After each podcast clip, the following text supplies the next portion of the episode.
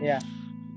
Ya, kembali lagi bersama saya Hafid Adi Karana uh, dan di sini ada ada ada tamu kita Mahardika Fauzan Kamil. Ya, kembali uh, bersama kita di Metamor Podcast. Ya, seperti yang saya jelaskan tadi, bahwasannya Metamor Podcast ini diadakan uh, untuk sharing, untuk sharing berbagi ilmu, berbagi pengetahuan dan berbagi pengalaman ya terkait kehidupan. Ya, justru uh, yang saya inginkan di podcast ini kita mampu menginspirasi banyak orang gitu sih sebenarnya. Asik. Amin amin Allah amin mantap mantap. Iyalah. Karena terkadang banyak hal-hal yang uh, mengganjal dalam kehidupan dan perlu diselesaikan. Saya harapkan podcast ini mampu menyelesaikan permasalahan kehidupan gitu. jadi iya jadi untuk uh, pemirsa-pemirsa yang stres udah dengerin aja podcast Meta Metamorphos apa gue lupa lagi? Metamor podcast anjir. Ah Metamor podcast Insya Allah stres hilang. Stres hilang. Ya iya jadi okay, okay. Uh, sekedar pengetahuan jadi podcast ini uh, apa sih yang dibahas gitu kan? Yang pertama gue punya banyak tema di sini. Yang pertama ada tema titik balik ya. Jadi titik balik ini uh, bermaksud untuk memotivasi orang yang sedang jatuh-jatuhnya gitu. Jadi lu gimana sih yeah, yeah. Uh, ketika lu berada di saat terdown-downnya apa yang membuat lu uh, apa apa yang membuat lu bangkit, termotivasi bangkit. lagi dan apa yang membuat lu bangkit gitu loh. Nah itu gua nanti bakal bahas titik balik gitu. Yang kedua selain titik balik itu ada yang namanya perspektif. Ya. Jadi perspektif ini ngebahas gimana sih pandangan lu ter, terhadap suatu apa, suatu isu dan suatu hal gitu. Tentu iya, kita nggak nggak sangkut paut dengan politik, kita nggak menyinggung politik, uh, kita nggak menyinggung agama dan lain sebagainya. Kita hanya menyinggung kehidupan dan pertemanan sekaligus cinta gitu. Yoi, yoi. Asik. Iyalah. Sekaligus cinta bahaya nih. Iya bahaya apalagi masa lajang seperti kita ini gitu kan nah juga selain titik balik dan juga perspektif itu ada uh, bisa kita lihat di sini ada bincang peradaban ya. Bincang peradaban ini bagaimana uh, yang saya harapkan itu bagaimana suatu peradaban bisa bisa eksis ya. Sehingga menciptakan suatu peradaban yang begitu menginspirasi banyak orang Ya kan kita tahu peradaban-peradaban besar itu seperti peradaban Mesir kuno gitu kan, peradaban Persia yang ada di Pakistan, peradaban Turki bahkan peradaban Romawi, peradaban Yunani itu nanti akan kita bahas. Ya, tidak lain dan tidak bukan untuk memotivasi manusia gitu. Gitulah. Nah, kemarin uh, di pertemuan sebelumnya gue udah bahas masalah bergerak berdampak ya. Karena setiap pergerakan pasti ada dampaknya gitu kan. Ada gula ada semut ada asap pasti ada api juga setiap sebab pasti ada yang menyebabkan. Ya gitu. Maka setiap pergerakan gue kemarin tanya tuh apa apa setiap pergerakan pasti berdampak gitu kan. Dan ada jawaban-jawaban yang yang apa membuat insight gue terbuka lah ada insight-insight baru dan ada pengetahuan-pengetahuan baru. Nah sebenarnya kemarin juga gue pengen ngundang uh, satu orang juga kemarin, cuman dia lagi berhalangan hadir.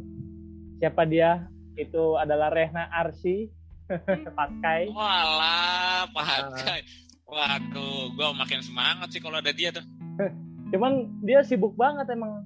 Sekarang kan dia di pelayaran gitu. Emang. Dan juga ya, dia, dia kerjaannya di tengah laut gitu kan kita nggak tahu. Itu lagi berlayar dia sekarang. Nah, lagi berlayar. Kemarin ada kesempatan dia lagi di Batam. Eh. gimana gimana? Kita kan lagi dibikin Batam nih. Jadi oh, dia di atas kita lagi. Iya iya. Boleh kita lihat nanti. Ada flying Dutchman. Iyalah. Ya. Sepakai. tapi ya bagaimanapun itu uh, saya sangat bersyukur gitu kan Eh, terus berterima kasih kepada narasumber kita Mahardika Fauzan Kamil udah bersedia menyempatkan waktunya gitu sama-sama uh, Nah mungkin kita perlu tahu dulu nih siapa narasumber kita pada malam hari Oke, ini. siap, siap, siap.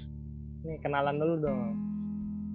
Ya, kenalin nama saya Mardika Putar Kamil. Hmm, saya sekarang sedang kuliah eh, di Bandirma Unyidi Eilul, jurusan Sistem Informatika. Eh, baru maba ya. Sebenarnya dari kemarin, cuman kemarin itu ada namanya tur tur Hazırlık atau persiapan bahasa Turki. Ya kan? Hmm. Soalnya kan kalau kita nggak bisa karena KBM-nya pakai bahasa Turki bukan bahasa isyarat jadi ya kita belajar bahasa Turki dulu gitu kalau enggak ya ntar kita diem-diem aja gitu kan diem-diem eh apa nih diem berak apa gimana kan jadi kita harus tahu dulu bahasa Turki nih Iya. saya dan Hafid juga sama kita dulu pernah sekolah bareng ya di pondok gue sama Hafid nih banyak kesamaan. Yang Apa kesamaan ini?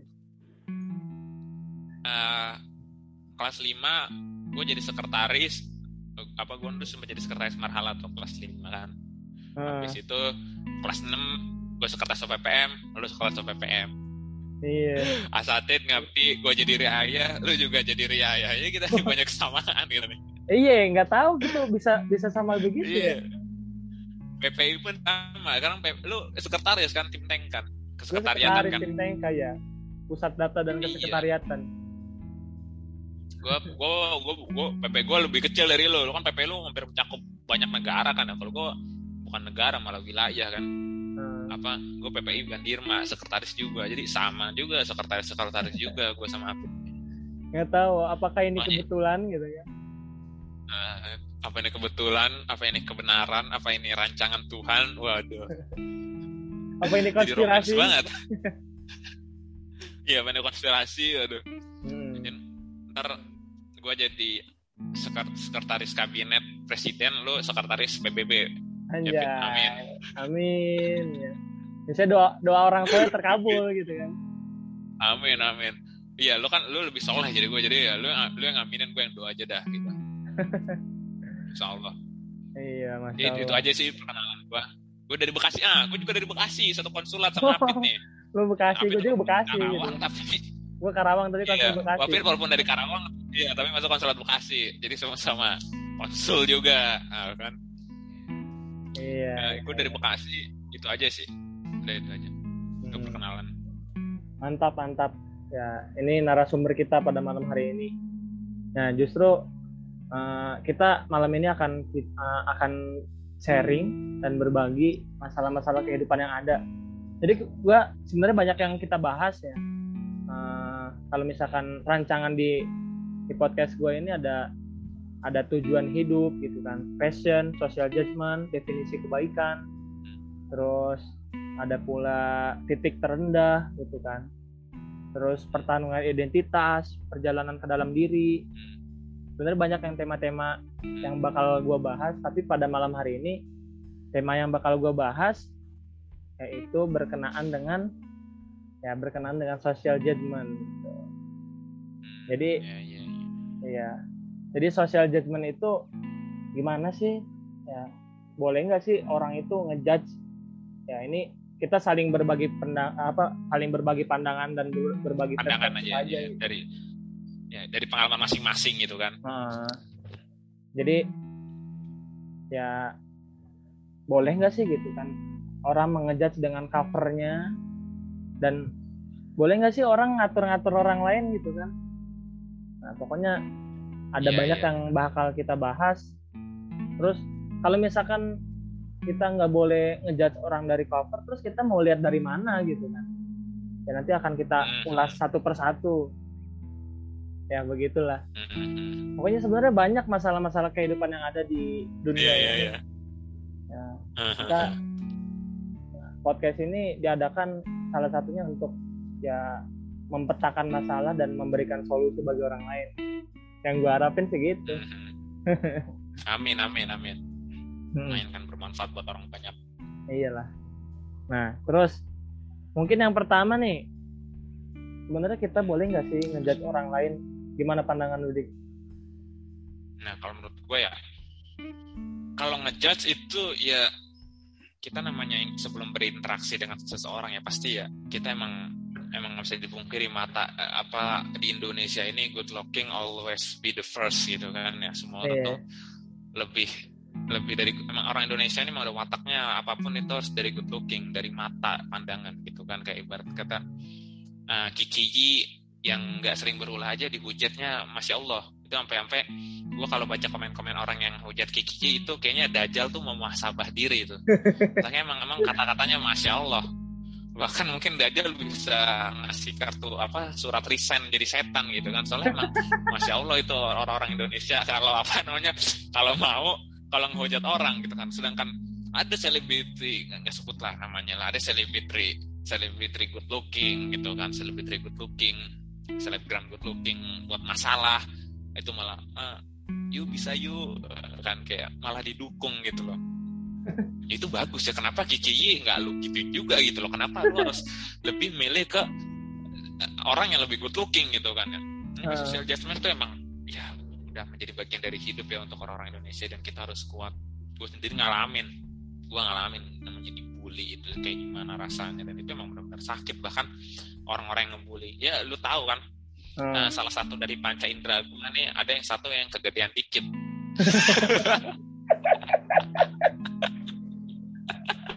Itu kelebihan. Itu ya, itu bisa di, kelebihan itu bisa dibuat kelebihan apa kekurangan ini nah itu gue juga bingung nggak tahu. Kelebihan tapi jadi kekurangan buat gue kan menurut gue uh, apa? Apa gue gue gue dari SD ada emang beberapa ada yang ngebully tuh ada kayak oh di bibir lu doer bibir lu monyong apa segala macam itu dah kalau dibilang sakit hati ya emang gue sakit hati gitu kan tapi yeah. alhamdulillah Allah tuh beriin gue teman-teman baik, teman-teman yang selalu support. Gue emang ada beberapa teman-teman baik gue nggak pernah ngatain gue gitu kan. Ya hmm. karena ya emang udah sesirkel lah. Habis itu gue juga jadi orang yang asik, sering ngelawak. Alhamdulillah jadi teman gue gitu kan. Orang ngebully itu dan menurut pandangan gue orang-orang yang suka nge-social judgment gitu, orang-orang yang suka ngebully itu nggak pernah mikirin hati apa yang diomonginnya gitu loh. Hmm. Soalnya kalau dia mikirin, nggak mungkin dia ngeluarin kata-kata itu, paham gak lo? Iya, iya, iya. Misalnya nih, ini ada orang, ya ada orang nih jerawatnya banyak banget sampai-sampai itu gue bingung itu jalan jalanan bolong sama muka nggak ada beda gitu kan apa pasti dia mikir kan bayangin kalau gue jadi orang yang jerawatan itu gue dikatain pasti sakit banget. Akhirnya dia menahan. Nah gue sama gue juga gitu. Gue kalau mau ngata kadang sekarang gue mau gue punya pola pikir kalau gue mau ngatain orang atau mau ya walaupun kadang gue suka kelepasan lah tuh kan. Kalau gue bercanda tuh kalau gue bercanda gue suka emang jujur gue suka kelepasan gitu kan. Sampai akhirnya gue sering banget gue kalau bercanda itu selesai gue nongkrong gitu ya allah kenapa gue lakuin itu sama dia? Ya kayak gue jahat banget gitu kan. Walaupun nggak tahu itu orangnya mikirin atau enggak gitu tapi tetap dalam batin tuh kita kayak nggak enak gitu kan. Iya. itulah. Makanya jadi makanya jadi kepikiran kan gitu ya. mahfuz, iya banyak memang dari mahfuzat itu lidah itu emang lebih tajam kan dari peniti hmm. Dari pedang lah dari pedang kan tajam banget itu. Karena apa yang udah kita keluarkan nggak bisa kita tarik kembali gitu kan. Kecuali kita punya time stone dokter strength-nya baru bisa lah insya Allah. Masalah kita kan manusia normal jadi ya uh. ya udahlah begitu. Nah orang-orang yang social judgment ini ya kalau bisa saran gue orang yang sering ngejudge ngejudge itu selalu berpikir sebelum apa pun sebelum yang kita lontarkan itu aja sih. Apa? Yeah. orang bener orang orang jadi gue sebagai orang yang pernah korban bully itu wah bahkan sampai sekarang gue masih inget ya. Gue masih inget nama lengkap orang yang sering ngatain gue dari gue SD masih inget gue ini gue kasih enggak. Dan gue yakin bukan cuma gue doang tapi orang-orang korban bullying korban-korban social judgment itu pasti tahu juga gitu loh. Yeah, yeah, yeah. Sosial dan social judgment ini bukan perkara fisik doang ya bukan perkara fisik doang ya. Perkara lain juga bisa kayak misalnya lu miskin lah lu lu bawahan lah lu bukan bos lah lu orang bawah lah atau segala macem. Bahkan orang-orang orang pun bisa ngejudge perkara religius juga gitu kan kayak nah ini ada fenomena orang hijrah sekarang nih. Sekarang gua kan jadi gue itu dulu waktu gua lulus lulus apa waktu setelah edisium itu bit setelah gua ngabdi eh, bukan, bukan edisium ngabdi setelah gua ngabdi kan. Itu setelah gua ngabdi gue tuh masuk uh, ke sebuah apa kayak lembaga pendidikan swasta. Jadi gue tuh belajar lagi pelajaran umum. Soalnya gue sebenarnya mau lanjutin studi gue di Indonesia di Universitas yeah. Indonesia gitu target gue masuk PTN kan. Hmm. selama nah, itu kan nah di antara itu uh, selingan belajar itu dulu gue suka apa ya kalau orang kayak di Jawa tuh ada namanya santri ngaling atau santri ngaling kan apaan tuh ngaling? Santri ngaling itu. Ngaling itu singkatan artinya ngaji keliling. Oh iya iya sambil sambil inilah. Ah lu keliling-keliling masjid. lu pernah nemenin gue juga? Iya. Iya jadi iya. gue jadi gue itu gue keliling Jabodetabek setiap majelis-majelis itu gue gue datengin gue belajar banyak dapat teman kajian masya allah itu circle-nya luar biasa. Hari Kamis gue kusat Haji Dahyat gue pernah nemenin gue kan? Ingat kan sampai masuk yeah, YouTube tuh loh. Nah, gue dia ke Bekasi itu ya. Habis, oh kan masya Allah itu ya Allah itu setiap perjalanan insya Allah lo ganjar pahala itu. Mantap lah. Habis itu uh, Rabu gue ke Blok M Blok M tuh ada atas masjid. Di atas masjid Blok M tuh mau Blok M tuh mall. Tapi terus ada masjid. Nah masjid itu ternyata itu ada kajian rutinnya kajian minggunya. Ustaz Khalid Basalamah di situ kita bahas dulu. Malam Riyadus Solihin Masya Allah. Habis itu besoknya ntar gua ke majelis habaib. Habis sholawatan kita ngaji kitab Hilyatul Aulia ngaji kitab ini ngaji kitab ini. Masya Allah itu banyak banget. Dan itu uh, ada fenomena gue tuh suka lihat ada orang-orang gue juga banyak kenalan kan akhirnya dari teman-teman hijrah. Itu gue bisa mendefinisikan orang yang hijrah pro sama orang yang hijrah noob. Nah apa tuh bedanya? hijrah noob ini ini berkaitan dengan nah hijrah noob ini ini gue gue gue jujur ya gue gue gue ngomong kayak gini bukan berarti gue paling alim enggak. Gue nih fakir banget ilmu gue dan dosa gue masih banyak banget gitu kan. Bukan berarti gue ngomong ini gue paling alim enggak. Gue cuma ngasih tahu jadi uh, hijrah noob ini, hijrah noob ini orang-orang yang berkaitan sama social judgment ini. Jadi mereka baru hijrah, mereka baru baru hijrah lah, baru ke kajian, baru nonton-nonton kajian YouTube, tapi udah berani melontarkan apa orang-orang yang nggak sependapat dengannya. Kayak berarti oh, dia baru belajar iya, iya. agama dua tiga minggu, tapi udah udah udah mengkafir-kafirkan orang, udah ngata-ngatain orang yang di bawahnya. Eh lu tuh nggak boleh, eh lu tuh pacaran, lu tuh jangan pacaran, tuh dosa. Gue ngomong kayak gini bukan berarti gue ini ya menghalalkan pacaran ya. Pacaran ya udah pasti haram. Dan tapi bukan berarti gue memutuskan tali silaturahmi gue sama teman-teman gue yang pacaran gitu loh. Banyak teman-teman yeah, gue yang iya, iya. pacaran yeah. tapi gue lu masih neraka lu pacaran lu gitu lu mau ya kan? Gak, ya ini orang-orang yang hijrahnya masih kata gue nu banget ya. Orang yang hijrah pro itu orang kalau udah hijrah pro itu dia nggak ngeliat orang sekelilingnya dia fokus sama dirinya dia perbaikin dari cara sholatnya tepat waktunya habis itu cara wudhunya sampai-sampai ya lu perbaiki dulu lah wudhu lu udah sampai lu kalau wudhu tuh ketika wudhu dalam batin lu ada terbesit ini kira-kira air gua udah kena airnya kena tumit nggak ya? Ini kira-kira airnya kena sampai siku belakang gua nggak ya? Seenggaknya gitulah.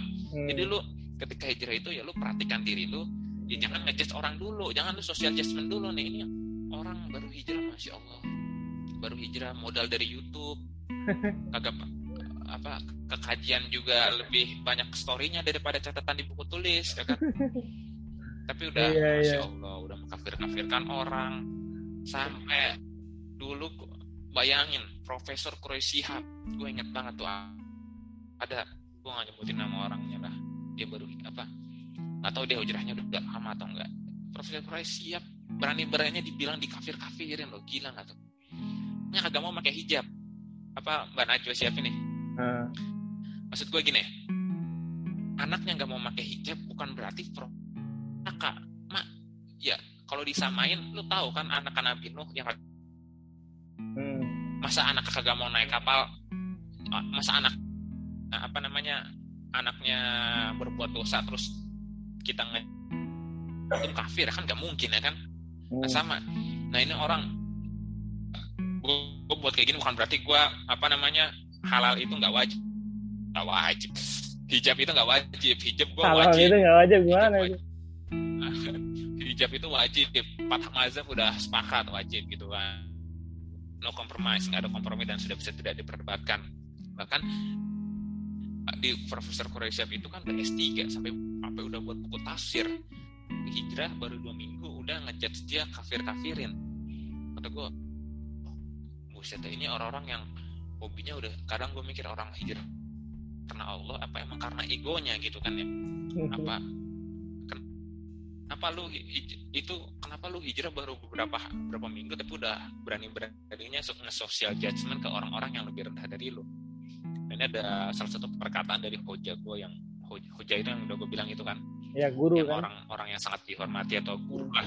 Nah, Hoja gue ini pernah bilang di kelas nah, kalau orang-orang cendikiawan itu punya slogan stay foolish dan stay hungry ya kan. Tetaplah tetaplah merasa bodoh dan tetaplah merasa lapar.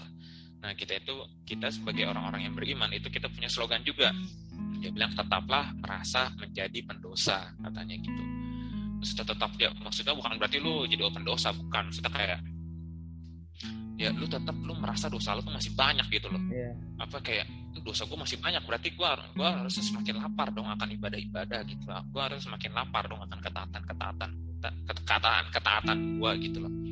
Makanya tanamkan dalam dirimu itu kata juga tetaplah merasa menjadi pendosa tetaplah merasa dirimu kotor jangan pernah merasa dirimu paling suci. Karena ketika lu udah merasa paling suci ketika lu udah merasa paling alim ketika lu udah merasa paling soleh justru di situ setan masuk setan mulai menanamkan dalam hati lu tuh sombong sifat hmm. sombong bahkan dosa pertama makhluk yang Allah ciptakan itu apalagi kalau bukan sombong ya kan dulu kan iblis yeah. kagak mau sembah ke Nabi Adam gara-gara sombong sekarang kan Allah sombong. nih kayak mau ngasih pelajaran nih Iya, hmm. seakan-akan kenapa dosa dosa makhluk Allah yang pertama kali dibuat adalah sombong. Biar seakan-akan Allah ini mengasih pelajaran kepada hamba-hambanya kan. Ini loh jangan sombong. Sombong ini kepala dari segala dosa. Ketika sombong udah mulai tertanam, iri masuk, dengki masuk, hasad masuk, wah semuanya masuk dah.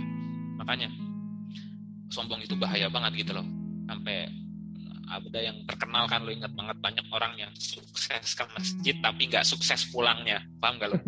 Iya iya. Jadi ke masjid itu gampang, ya kan? Lo tinggal jalan aja dah tuh sukses apa sholat jamaah. Tapi pulangnya banyak yang gagal karena ketika pulang itu banyak dari hati-hati mereka yang terta yang timbul, gua ke masjid yang lain sholat di rumah. Nah itu kan dah mulai ada tuh sombong, setan-setan. sukses gitu loh. Mulai dah tuh sombong dah tuh. Pahalanya nggak jadi gugur dah. Itu malaikat langsung eh lu ada penghapus nggak? Saya kan. Penghapus nih yang tadi sholat di namanya social iya, judgment iya, itu. iya, iya.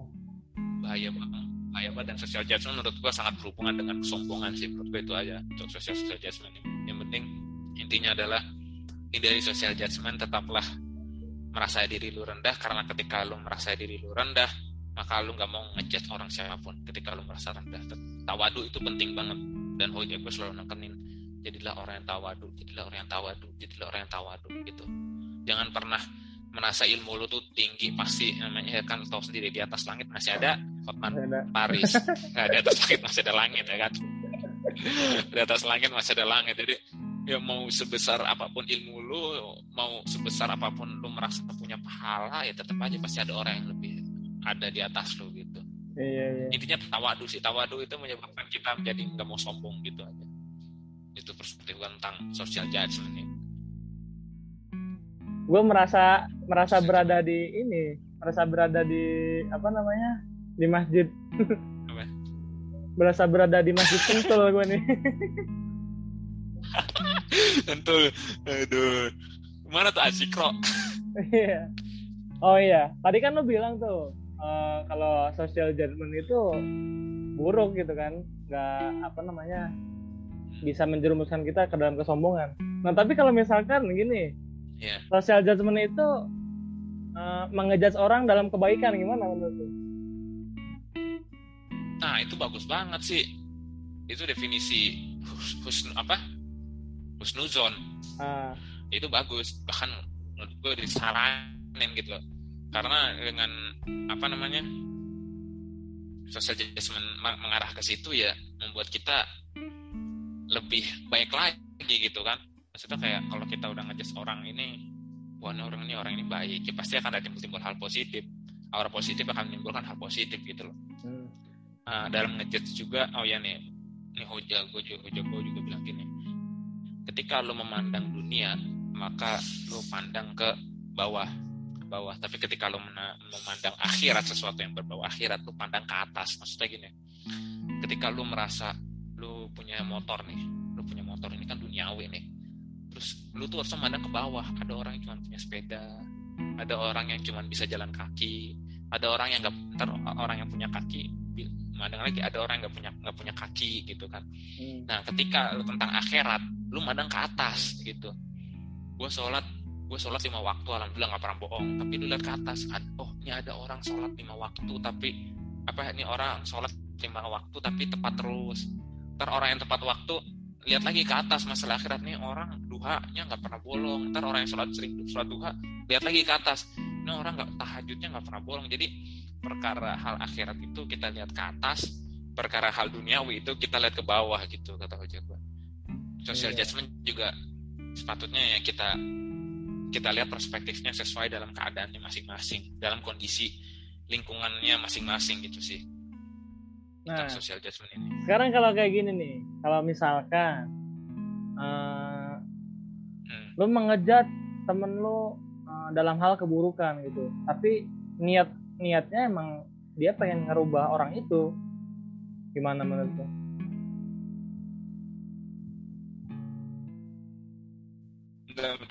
Niat-niat gimana? Niat gimana? Ya, dia mengejat orang itu, wah itu orangnya apa namanya? Misalkan orang itu jarang gini gini gini atau jarang jarang berbuat kebaikan lah. Nah, maksudnya di situ uh, bahwasannya lu tuh biar ngingetin orang lain biar nggak kayak dia, ya, itu gimana? Hmm. Boleh, boleh, boleh itu boleh banget. Tapi ya sesuaikan dengan lingkungannya masing-masing Ustaz Khalid pernah ngomong gini uh, aduh gue lupa se se se Ustaz Khalid Basalamah itu pernah apa yang ada di benakmu selama apa yang ada di hatimu apa yang ada di benakmu selama belum kamu implementasikan di dunia nyata itu nggak jadi dosa. Jadi beratnya kita kita baru ngejudge orang nih tapi kita nggak ngelakuin di hal dunia nyata ya itu kita nggak dosa. Nah kalau masalah ini nah ini gue juga pernah gue pernah ada nih teman kajian gue juga nih hebat banget nih. Jadi dia itu punya circle pertemanan itu yang benar-benar circle-nya itu kotor banget. Maksudnya kalau nongkrong itu sampai ada botol amer tiga botol.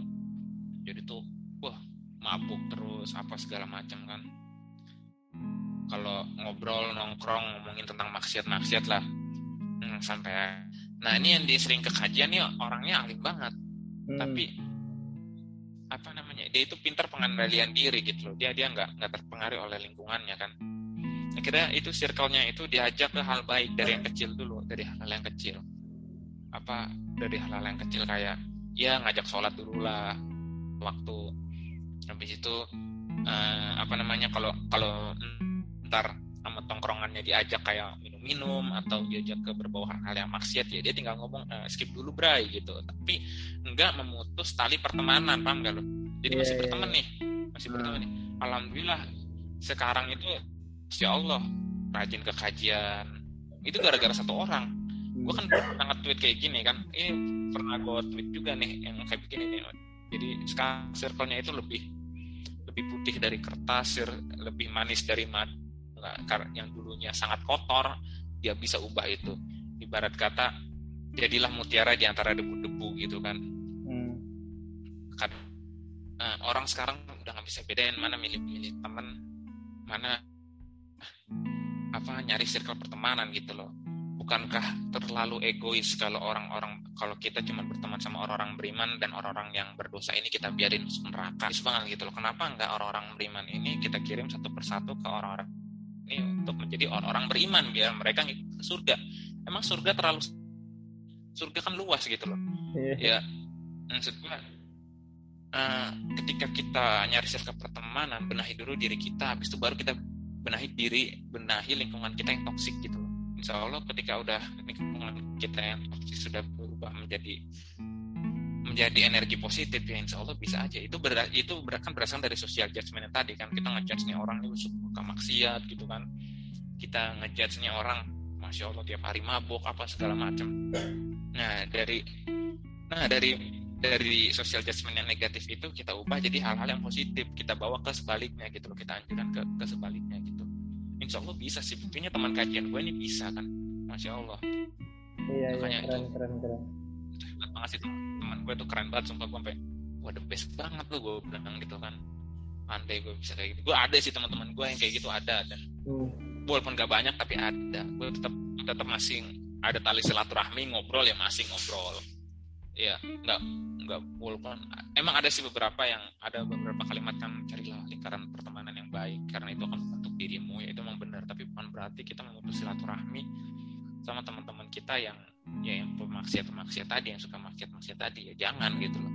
Ya tetap kita ayomi cuman ya intinya semuanya itu balik ke pengendalian diri masing-masing. Selama lu bisa nahan diri selama lu bisa jihad nafas jihad apa jihad terhadap hawa nafsu ya lu bisa survive dari circle pertemanan itu ya. Kalau bisa circle pertemanan toksik itu ya lu ubah jadi pertemanan circle yang energinya positif semua. Iya, iya, iya. berdasarkan social judgment tadi nah sekarang gini apa apa gini dik? Uh, kan ada apa namanya ada pepatah mengatakan don't judge people by his cover atau don't judge the book by his cover. Gimana pandangan menurut itu?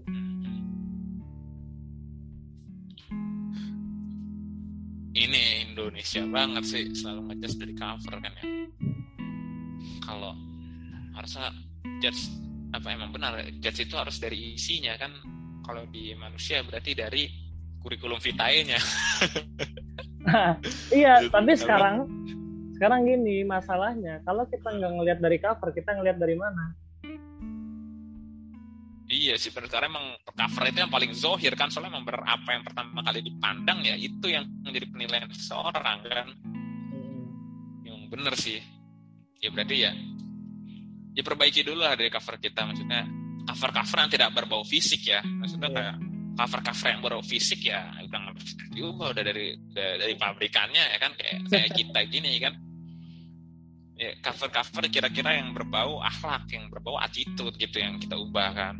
Hmm. itu insya Allah orang akan kalau orang orang udah ngejudge dari cover attitude ya tanda kutip attitude bukan cover physically ya insya Allah ya orang akan baik-baik aja sih sama kita selama kita ya selama orang-orang lihat kita ini baik sopan leadership yang bagus ya insya Allah kita akan berguna gitu loh. Karena emang gue udah ngerasain gitu kan. Hmm, apa ini bukan apa gimana ya? Aku bilang sombong nih. Jadi ketika uh, apa namanya wah ini punya bagus nih dia bisa manage apa dari divisi ke divisi bisa manage. Akhirnya lu akan jadi orang yang mustakmal apa uh. orang kepake orang yang kepake gitu loh. Hasil hasil orang yang atasan lu yang ngejudge lu. Dari cover cover attitude lu tadi cover pengalaman lu tadi gitu loh. Makanya semoga aja nih cover cover ini ya nggak nggak selalu dijudge dari pandangan fisikal gitu kan. Kalau bisa ya dari sifat seseorang dari kemampuannya gitu loh. Kalau udah di kalau orang udah ngejudge dari dari apa yang ada di dalam hati apa yang di dalam diri seseorang bukan dari di luar dari kulitnya doang ya insya Allah judge-nya bagus covernya kalau covernya cover cover attitude-nya bagus ya insya Allah orang-orang akan akan akan respect sama kita gitu loh kecuali lu udah cover fisik lu jelek attitude lu jelek ya Allah ya orang ya emang benar-benar orang lihat dari apa yang mereka pandang kan berarti uh. lu ah. pertama kali lihat ya Allah ini orang udah songong banget ya. Ngelewat kagak bilang permisi apa makan pakai kaki ya. Enggak lah makan mak apa. Ya pokoknya ya orang kalau udah ngeliat kayak gitu ya ya pasti udah udah pasti banget. Orang akan mandang kita orang akan mandang seseorang tersebut jelek. Karena memang ya orang tuh memang mandang dari covernya dulu. Cover secara fisik cover secara attitude cover secara yes apa apa aja lah yang dalam diri kita gitu itu aja sih tentang cover yeah. judge by the book apa don't judge the book by his cover gitu. By book. Nah, tuh lah, balik-balik mulu gua. Nah, berarti posisinya lu setuju itu ya. Uh, bahwasannya kita harus ngejudge orang dari covernya. Iya. Tapi tanda kutip ya, cover bukan cover fisik, bukan kulit. Cover attitude lah. Walaupun ini attitude sebenarnya masuk ke isi sih ya. Iya iya iya. Nah tapi kalau misalkan sekarang posisi kayak gini, jadi orang itu uh, di luarnya bangsat gitu, maksudnya nggak punya attitude dan uh, menunjukkan ketidakbagusannya secara physically gitu. Tapi sesungguhnya niatnya awal niat awalnya dia itu uh, dia nggak mau pamer gitu. Itu gimana menurut lo? gimana gimana gimana? Coba ulang ulang gue gue gue gue gimana gimana? Jadi sekarang gimana kejadiannya kalau misalkan orang itu emang pengen ngeliatin secara physically bahwasannya dia itu bangsat dan eh, nggak uh, punya attitude gitu. Tapi sejatinya niatnya dia itu emang pengen ikhlas gitu. Jadi dia pengen nggak dia pengen oh, apa adanya ya iya. apa adanya ya. Ya iya. Maksudnya dia ya udah ini ini diri gua gitu. Terserah gua gitu kan. Adapun kan definisi kebaikan menurut orang-orang beda. Menurut lu gimana itu? Iya benar benar benar. Nah itu gua setuju banget sih. Banyak orang kayak gitu sekarang banyak banget malah. Orang yang memperlihatkan buruknya dia di bawah bayang-bayang apa adanya gitu loh diliatin dia mabuk apa segala macam masya allah. Gua juga kadang heran kayak gitu kan. Di bawah bayang-bayang apa adanya dan gak munafik gitu loh. Ah iya. Tapi kenapa ketika orang ketika orang ketika orang-orang ingin memposting kebaikan ketika orang ingin memposting hadis ayat atau apa oh, lu sok so alim lo kenapa ya kenapa lu ngejudge gua? Lu posting maksiat bebas masa gua nggak boleh? Kan kadang gua suka heran kayak gitu tuh nggak ini ini ini gua alhamdulillah gua nggak pernah diginiin tapi teman-teman gua yang dulu suka maksiat apa jadi ya? Yang yang dulu maksiat gitu loh. Alhamdulillah mereka hijrah kan. Mereka hijrah habis itu mereka udah nggak mau memperlihatkan memperlihatkan mabuk-mabuknya gitu loh. Mereka sadar kan itu dosa memperlihatkan maksiat itu dosanya gede banget sumpah. Soalnya mereka tahu tuh malah bangga akan maksiat tuh ya kan? Itu apa ada gue lupa sih siapa yang ngomong ya. Ya pokoknya lu kalau memperlihatkan maksiat lu secara bangga itu masya Allah. Itu dosanya udah luar biasa itu. Nah orang-orang yang pengen-pengen lihat apa adanya ini ya bebas-bebas aja sih bebas bebas aja ya. Gua gua nggak ngelarang lah itu diri diri mereka. Kok itu keputusan mereka ya udah. Ya tapi uh, kalau mau diliatin tolong dilihat sesuai kadarnya gitu loh. Apa namanya? Nggak nggak kebablasan gitu loh. Nggak. Wah sampai ini mohon maaf ya mohon maaf ya. Sampai kadang open bo atau open bo nggak sih open bo tuh kayak apa? Kayak apa sih, mesen, perempuan gitu nggak sih? Iya. Ya begitulah. Nah hmm. itu sampai di, dipublikasikan dipublikasikan. Gue ya Allah. Kok orang malah bangga ya padanya dan kamu munafik mereka nggak udah rasa malunya udah dicabut atau gimana gue nggak tahu udah tuh orang-orang seperti itu ya. Ya tapi gue tapi ya cukup cukup ditanya orang kok kayak gini amat. Ya nggak usah kita nggak usah kita judge secara personal kita sampai kita DM kita PC secara kita nggak usah mamer-mamerin maksiat dong gitu kan.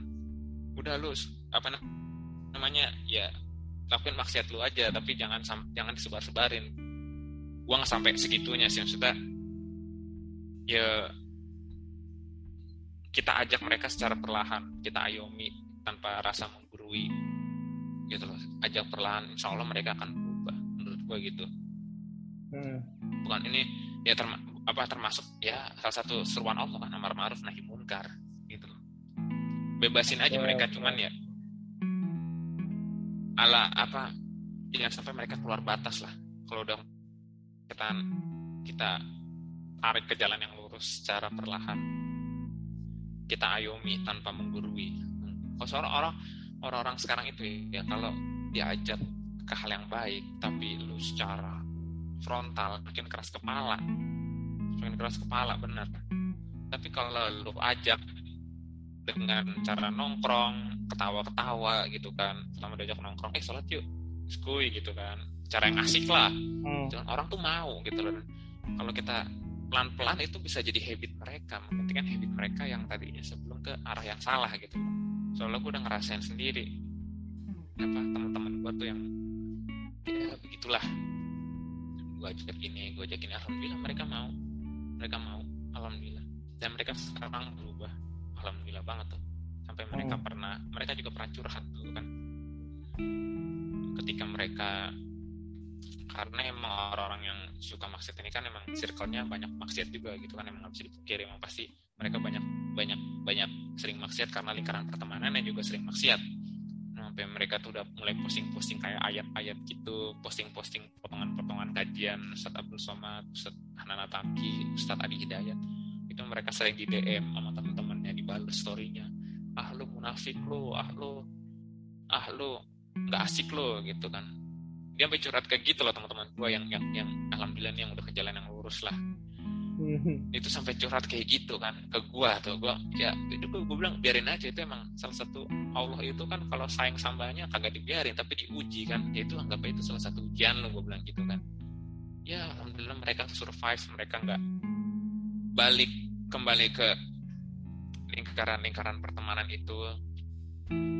Alhamdulillah sih itu aja sih tentang apa namanya tadi tentang kalau mau ngejat orang seperti itu ya mungkin uh, ini poin yang terakhir nih dari pertanyaan gua hmm. terus gimana pandangan lu tentang sosmed judgment gitu kadang kan orang eh, memamerkan harta ah, kekayaan ah, iya, iya, iya.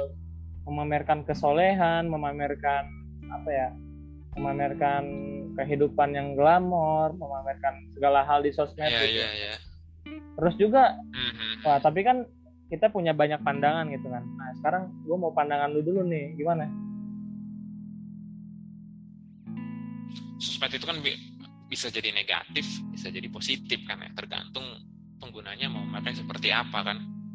Hmm. ya kalau ya salah satu media orang sosial judgment itu salah satu media utamanya dari sosial media kan. Sama-sama ada depannya sosial juga kan. Ya orang ngecas dari apa yang dia lihat walaupun itu dari layar HP sekalipun. Gitu kan kayak ini orang suka begini ini orang suka begini. Ya kalau gue bisa sih kata gue sosial media itu gunakan sebagai sarana-sarana kita untuk menyebar aura positif aja gitu loh.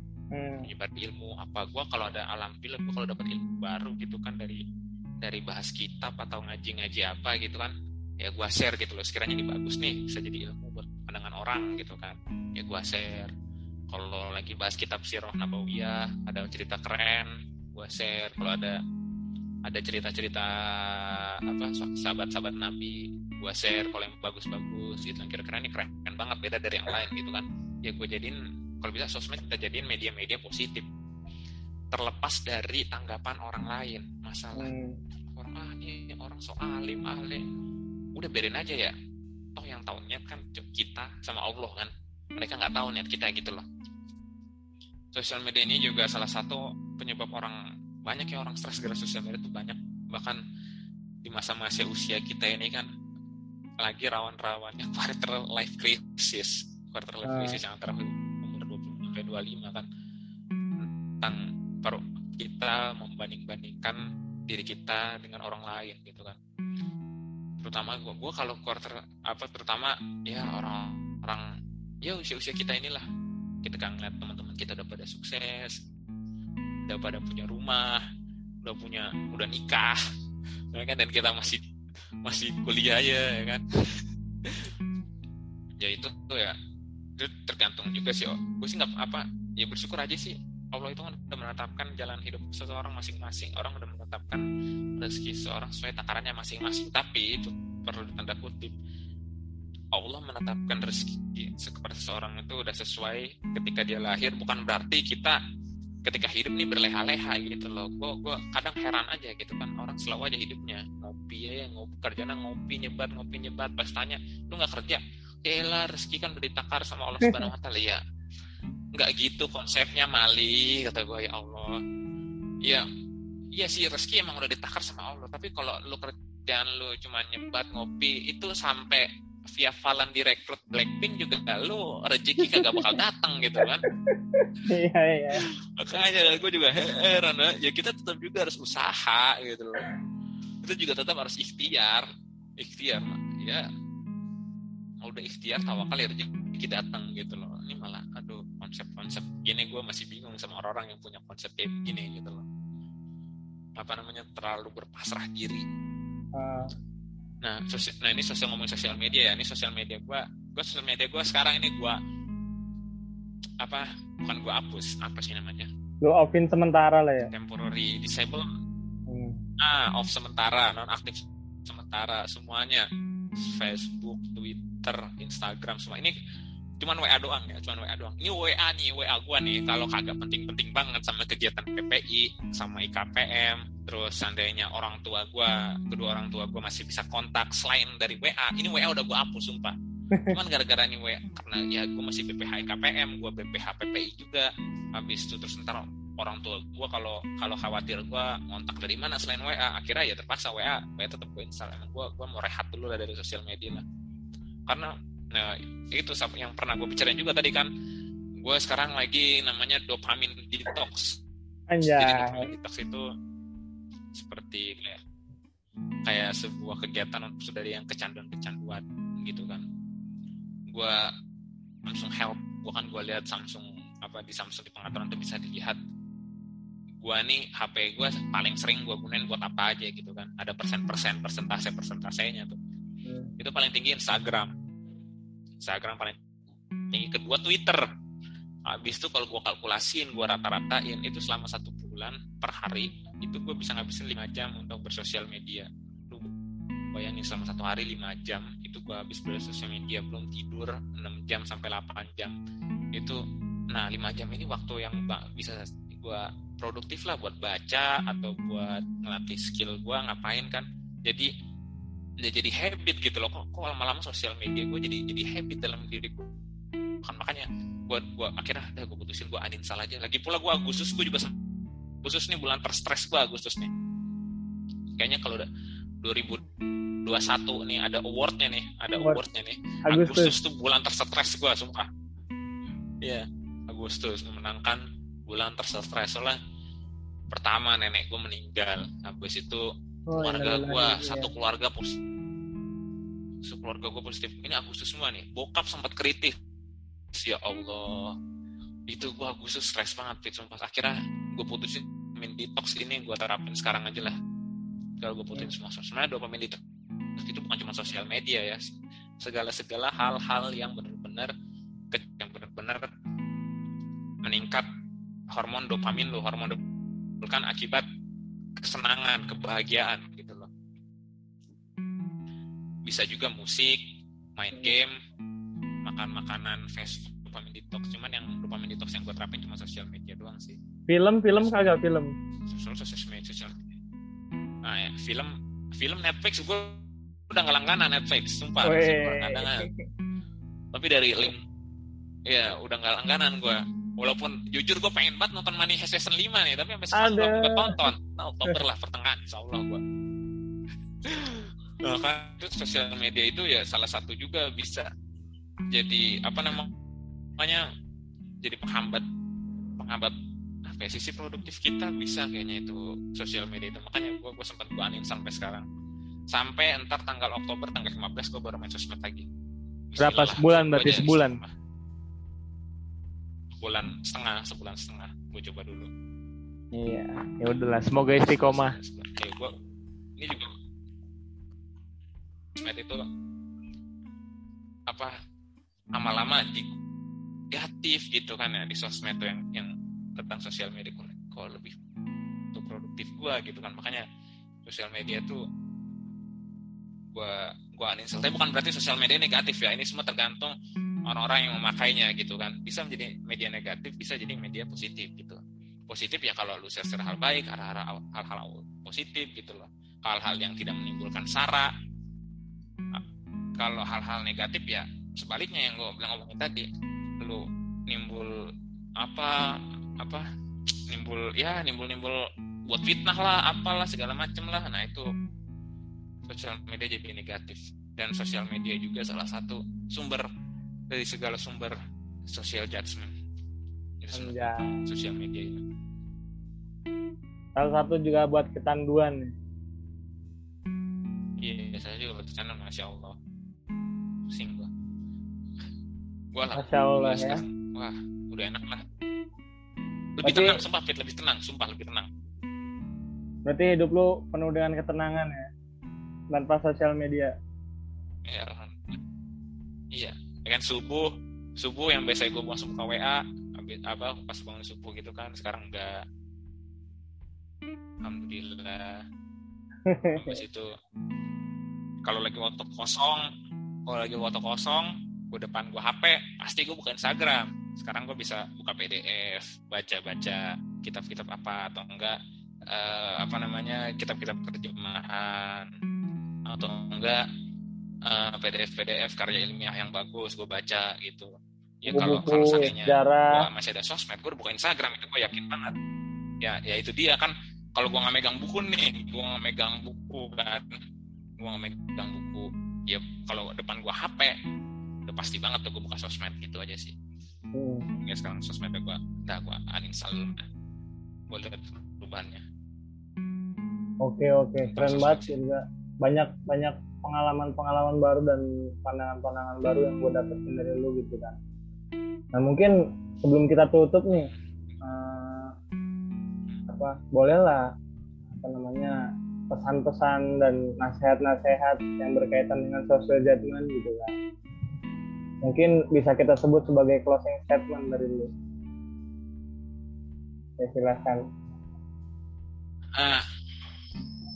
Bentar bentar bentar nah intinya dari social judgment yang gue bilang adalah tetaplah merasa tawadu dan social judgment ini kan emang kita ngejudge ya kita menghakimi. Dari kata judge saya udah hakim kan. Kita hmm. menghakimi seseorang uh, sosial. Kita menghakimi seseorang secara sosial gitu loh. Kita nggak kenal siapa tapi kita, kita udah menghakimi.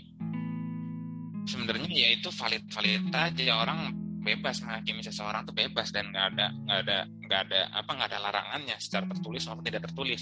Tapi uh, judge lah orang tersebut dengan cara baik gitu loh.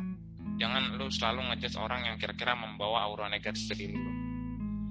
Hmm, apa namanya dan ya itu tadi apa tetaplah merasa rendah diri karena ketika lu terus merasa rendah diri ketika lu merasa tawadu maka setiap orang-orang baru yang lu temui yang bakal lu social judge maka lu nggak akan pernah memandangnya rendah. Karena lu udah memandang diri lu itu rendah duluan gitu daripada dia gitu loh.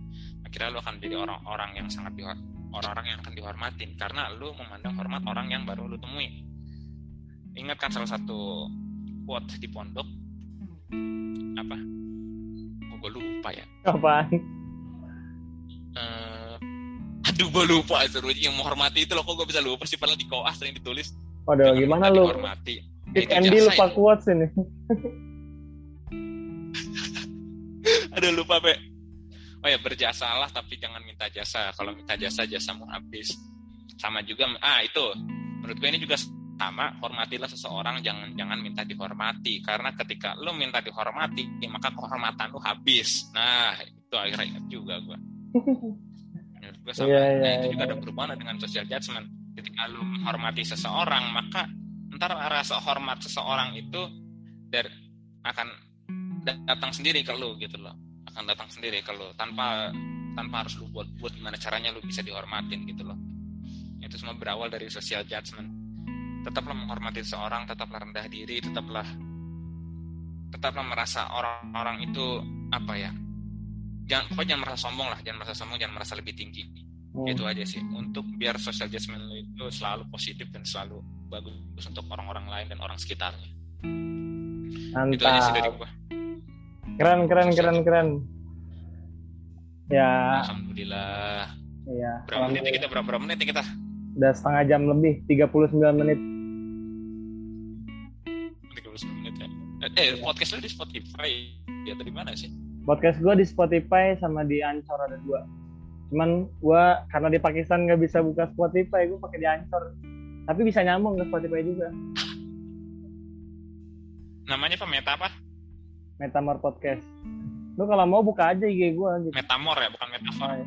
Meta Metamor Metamor Podcast. gue ada IG coba. Coba lu lu lu buka buka IG gue masih ada nggak? Masih ada nggak IG gue ada cuman namanya doang gitu ketika dibuka nggak ada postingan nggak ada apa-apa. Nggak ada nggak ada foto profil dan lain-lain. Iya. Yeah. yeah, yeah. mungkin gue tutup dulu nih abis ini kalau mau nah, ngobrol lagi nggak apa-apa ya. Oh siap siap siap siap iya. oke. Okay. ya terima kasih. Terus kirim linknya ke gue ya. Siap siap. Nanti gue edit terus gue kirim linknya. Ya. Terus kita tutup ya. Terima kasih kepada narasumber kita malam hari ini ya kepada saudara Mahardika Fauzan Kamil mahasiswa perkapalan. ya. Barakallahu Ya yang udah yang udah uh, menyempatkan waktu dan uh, bersedia untuk sharing tentang kehidupannya dan bagaimana pandangannya terhadap social judgment ya. Kita tahu social judgment itu ya ada baik ada buruknya tergantung kita uh, bijak untuk apa memberikan social judgment terhadap seseorang. Mungkin itu aja yang bisa kita sampaikan. Semoga bermanfaat. Ya kepada para pendengar terima kasih sudah mendengarkan. Ya ocehan-ocehan kami. Ya semoga semoga bermanfaat ya. Intinya semoga bermanfaat. Amin. udah gitu aja.